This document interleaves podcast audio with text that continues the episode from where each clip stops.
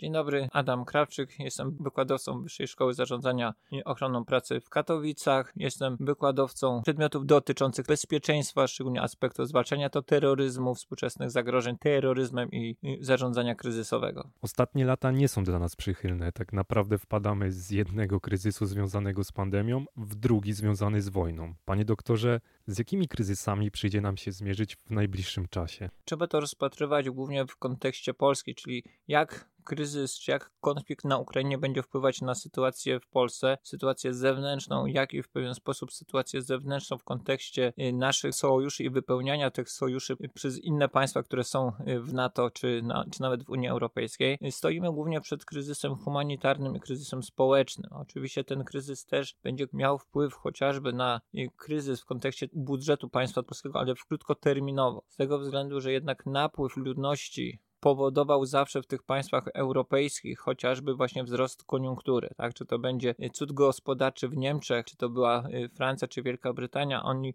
sprowadzali wręcz, y, czy to Kurdów, czy tu, Turków w kontekście Niemiec, czy to y, mieszkańców byłych to kolonii Francuzi, czyli Algierczyków, Marokańczyków, Tunezyjczyków i te osoby po prostu zatrudniając się napędzały gospodarkę, więc u nas też obecnie mamy dość duży deficyt rąk do pracy, więc ten kryzys y, w pewien sposób można, może być dla Polski dość pozytywny, ale tylko w kontekście właśnie rąk do pracy, w kontekście tutaj zarządzania tym kapitałem ludzkim. Oczywiście krótkoterminowo państwo będzie musiało ponieść dość duże to nakłady finansowe przy tej sytuacji. No póki co odbywa się to dość na takim sposób pospolitego ruszenia, czyli po prostu raczej siłami społecznymi tutaj ludzie dobrej woli starają się jakoś pomóc uchodźcom, organizują zbiórki, organizują miejsca to noclegowe, ale po pewnym czasie jednak państwo będzie musiało większą odpowiedzialność przyjąć za e, kwestie uchodźców. Oprócz kryzysu społecznego, właśnie kryzys humanitarny, bo ten napływ póki co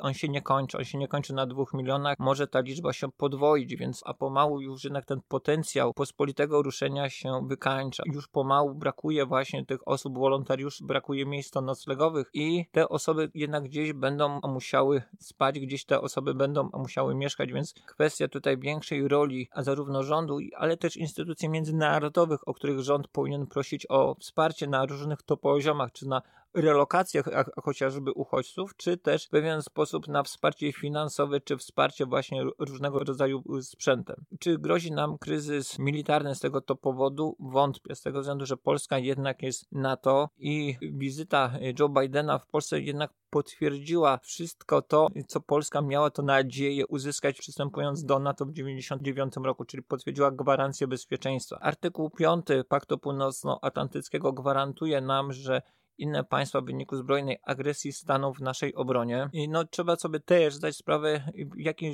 położeniu jest wojsko rosyjskie i wojsko ukraińskie. Wojsko rosyjskie chciało bardzo szybko zagarnąć to teren Ukrainy, bardzo szybko to podbić Kijów, czy część Ukrainy odłączyć od Kijowa, czy nie, no to już jest kwestia y, drugorzędna, tak? Czy inaczej chciało to podbić Ukrainę. Wojna już trwa 40 dzień ponad i nie ma końca, więc obawy tego, że wojsko rosyjskie, nie mogąc zdobyć Ukrainy, nagle będzie mieszało się w kolejny konflikt z państwem, które to należy do NATO, no raczej jest to mało prawdopodobne, żeby wojsko, które nie potrafi zdobyć Ukrainy, chciałoby angażować się w kolejny konflikt, który tak naprawdę tym bardziej by nie było w stanie wygrać. Czy cień rzucany przez konflikt nuklearny jest realny? Nie wydaje się, z tego względu, że jednak nawet, a jeżeli Putin będzie próbował w jakiś sposób szantażować, zawsze broń atomowa była straszakiem, a jedynie a nie była wykorzystywana do działań militarnych oprócz II wojny światowej czy w okresie powojennym, czyli operacja na atolu wysp Bikini, to w późniejszym czasie był to jedynie straszak dla potencjału ewentualnie czy próby odsunięcia od siebie ataku, czy tak było w kontekście Pakistanu, to chociażby i Indii, czy w innych państwach posiadających broń atomową. No jest to, no, państwo, które by użyło broni atomowej jest państwem, które już w pewien sposób wymyka się spod, powiedzmy, stosunków międzynarodowych. Tak? To państwo byłoby już totalnie cenzurowane, prawdopodobnie zmieniło cały układ to na świecie. No, nie, nie sposób sobie wyobrazić, żeby była użyta broń atomowa w jakimś jakimkolwiek to znaczeniu, bo oczywiście broń radiologiczna, chociażby w zamachach terrorystycznych była używana, ale kwestia wybuchu jądrowego wydaje się bardzo mało prawdopodobna i jest używana przez każdą stronę do własnych celów, czyli właśnie kto może użyć tej broni, no jest używane w celach propagandowych, czy to z jednej, czy to z drugiej strony to konfliktu, z jednej strony do napędzania ich histerii czy strachu, z drugiej strony w pewien sposób do wytłumaczenia pewnych działań państwa w ramach ograniczenia chociażby praw obywatelskich, czy pewnych to nakładów finansowych na zbrojenia. Czym jest broń radiologiczna, o której pan wspomniał? To są materiały rozszczepialne, przy których nie dochodzi do rozerwania łańcuchów. To jest po prostu każdy pierwiastek pozostawiony na otwartej przestrzeni. To jest po prostu uran, pluton, CS, polon, różnego rodzaju materiały rozszczepialne, gdzie nie dochodzi do wybuchu, tylko po, po prostu zostają to pozostawione tak, żeby po prostu dochodziło do skażenia to terenu. I, i takim zamachem były na, na, na przykład pozostawienie przez Czeczenów w 1995 roku w parku Izmiłowskim materiału z, z cezem. Coraz częściej w mediach słyszymy o zbliżającym się kryzysie żywnościowym, o tym, że chleb ma kosztować 10 zł. Czy jest to realne zagrożenie? No, pr problem jest głównie właśnie Ukraina, która bardzo dużą część żywności eksportowała do Europy. My też kupowaliśmy dużo tej zboża od Ukrainy. Tak czy inaczej, Polska zawsze była państwem opartym o gospodarkę rolną, albo przynajmniej państwem przemysłowo-rolniczym, więc powiedzmy u nas ta sytuacja nie spowoduje aż takiego dużego to tąpnięcia. No kwestia jest taka, że funkcjonując w Unii Europejskiej, te ceny będą korelowały się w miarę na podobnym poziomie w stosunku do innych państw. Czyli jak cena będzie wzrastała w Wielkiej Brytanii, to na przykład, bo to jest państwo, które głównie importuje żywność, więc u nas też nie tak jak w Wielkiej Brytanii, ale też ten wzrost ceny żywności dość du duży. No zobaczymy, jaka będzie kwestia właśnie urodzaju to chociażby, jaka kwestia będzie zbiorów w czasie żniw, no i wtedy by te ceny będą w miarę jakoś tam stabilne, albo w górę, albo w dół, albo my utrzymywały się na podobnym to poziomie. Po pańskich wypowiedziach możemy wnioskować, że świat wcale nie załamie się, jak ukazują to media. Może jedyny kryzys, jaki aktualnie widzimy, to kryzys medialny i ich wiarygodności? Trzeba no, sobie powiedzieć, gdzie jest źródło w pewien sposób to manipulacji. No, trzeba sobie zdać sprawę, że każdy rząd prowadzi własną to politykę i, i każdy rząd informacja jest na bagę złota i tą informacją można manipulować, można ją przedstawiać w różnej to formie, można ją, można po prostu zarządzać informacją i zarówno robi to Rosja, a zarówno robi to Ukraina, i zarówno robi to Polska, jak i Unia Europejska. Każda z tych państw czy, czy, czy organizacji robi to na swój to pożytek, więc Ukraina będzie zawyżać to chociażby liczbę rosyjskich żołnierzy, którzy zginęli, Rosjanie będą tą liczbę zaniżać więc kwestia jest też manipulacji chociażby sytuacji, która była na początku konfliktu, gdy była mowa o tym, że właśnie Polacy nie chcą przyjmować Ukraińców, że na przykład właśnie dochodzi do różnych tam starć przygranicznych, bo takie sytuacje były, prawda, że, że sami uchodźcy atakują to Polaków w pociągach, prawda, no to jest właśnie kwestia dezinformacji, szczucia to narodu polskiego przeciwko Ukraińcom, po to, żeby właśnie Polska w pewien sposób zamknęła bramy,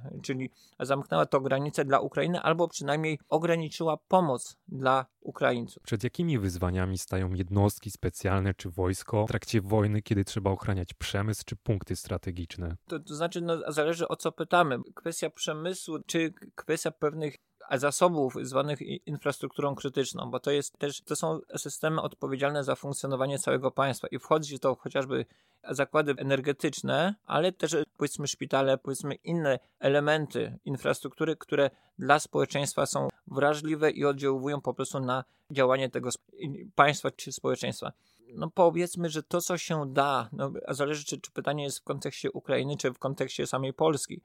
No, w Polsce infrastruktura krytyczna jest dość dobrze zabezpieczona, z tego względu, że służby, szczególnie ABW, prowadzi szkolenia tzw. Tak operatorów infrastruktury krytycznej i jest cały to nadzór i monitoring właśnie w kontekście infrastruktury krytycznej. Przedsiębiorstwa, no, nie da się wycofać to na przykład fabryk, tak, całych linii produkcyjnych to na czas wojny, szczególnie jeżeli ta wojna jest niewypowiedziana i rozpoczyna się z dnia na dzień. No kwestia właśnie chociażby widzieliśmy szpitali, tak, które się nie dało to wycofać, były zbombardowane i ginęły tam osoby, a szpitale akurat jako miejsca to cywilne, no nie powinno być bombardowane. I jeśli chodzi o przedsiębiorstwa, one funkcjonują, no przeważnie jest tak, że jeżeli to nie są przedsiębiorstwa wrażliwe, czyli przedsiębiorstwa, które przetwarzają różnego rodzaju to toksyny, różnego rodzaju mamy chociażby elektrownie to na Ukrainie, to one pracują do samego końca i one zawsze będą w pierwszej linii, można powiedzieć, bombardowań. Tak jak było w czasie ataku Niemiec na Wielką Brytanię, czyli mieliśmy tą bitwę o Anglię, tam też pierwsze dwie fazy to najpierw były działania zbrojne wobec wojsk, a potem to właśnie były zakłady produkcyjne, które wpływały zarówno na gospodarkę, jak i na przemysł zbrojeniowy. Dużo dyskutuje się o tym, czy sankcje i bojkotowanie firm dadzą wymierny efekt. Jakie jest Pana zdanie na ten temat? Trzeba sprawdzić, jak, jak to działało na gospodarkę Rosji. No wydaje się, że początkowo sama Rosja się tego wystraszyła, dlatego tak długo giełda rosyjska była zamknięta, ale widać, że Rosja znalazła sposób na obejście po prostu tych sankcji. Te sankcje wydają się niewystarczające. One uderzają oczywiście w Rosję, ale bardziej propagandowo wypowiedzi różnych to polityków, czy europejskich, czy, czy nawet amerykańskich, że Rosja nie podźwignie się przez lata po tych sankcjach, no nie jest to prawda. Mimo, że jest to kolos na glinianych nogach, to jednak jest to dość potężna gospodarka z potężnym przemysłem energetycznym, z potężnymi źródłami energii. Szczególnie na tym opiera się gospodarka rosyjska. I widzimy, że Rosja szuka nowych rynków zbytu. Słyszymy o Indiach, gdzie mają być akuratnie właśnie te stosunki jeszcze bardziej to zacieśnione i pomiędzy nimi ma dojść właśnie do wymiany takiej handlowej i nawet Indie mają zastąpić Unię Europejską w tej wymianie towarowej.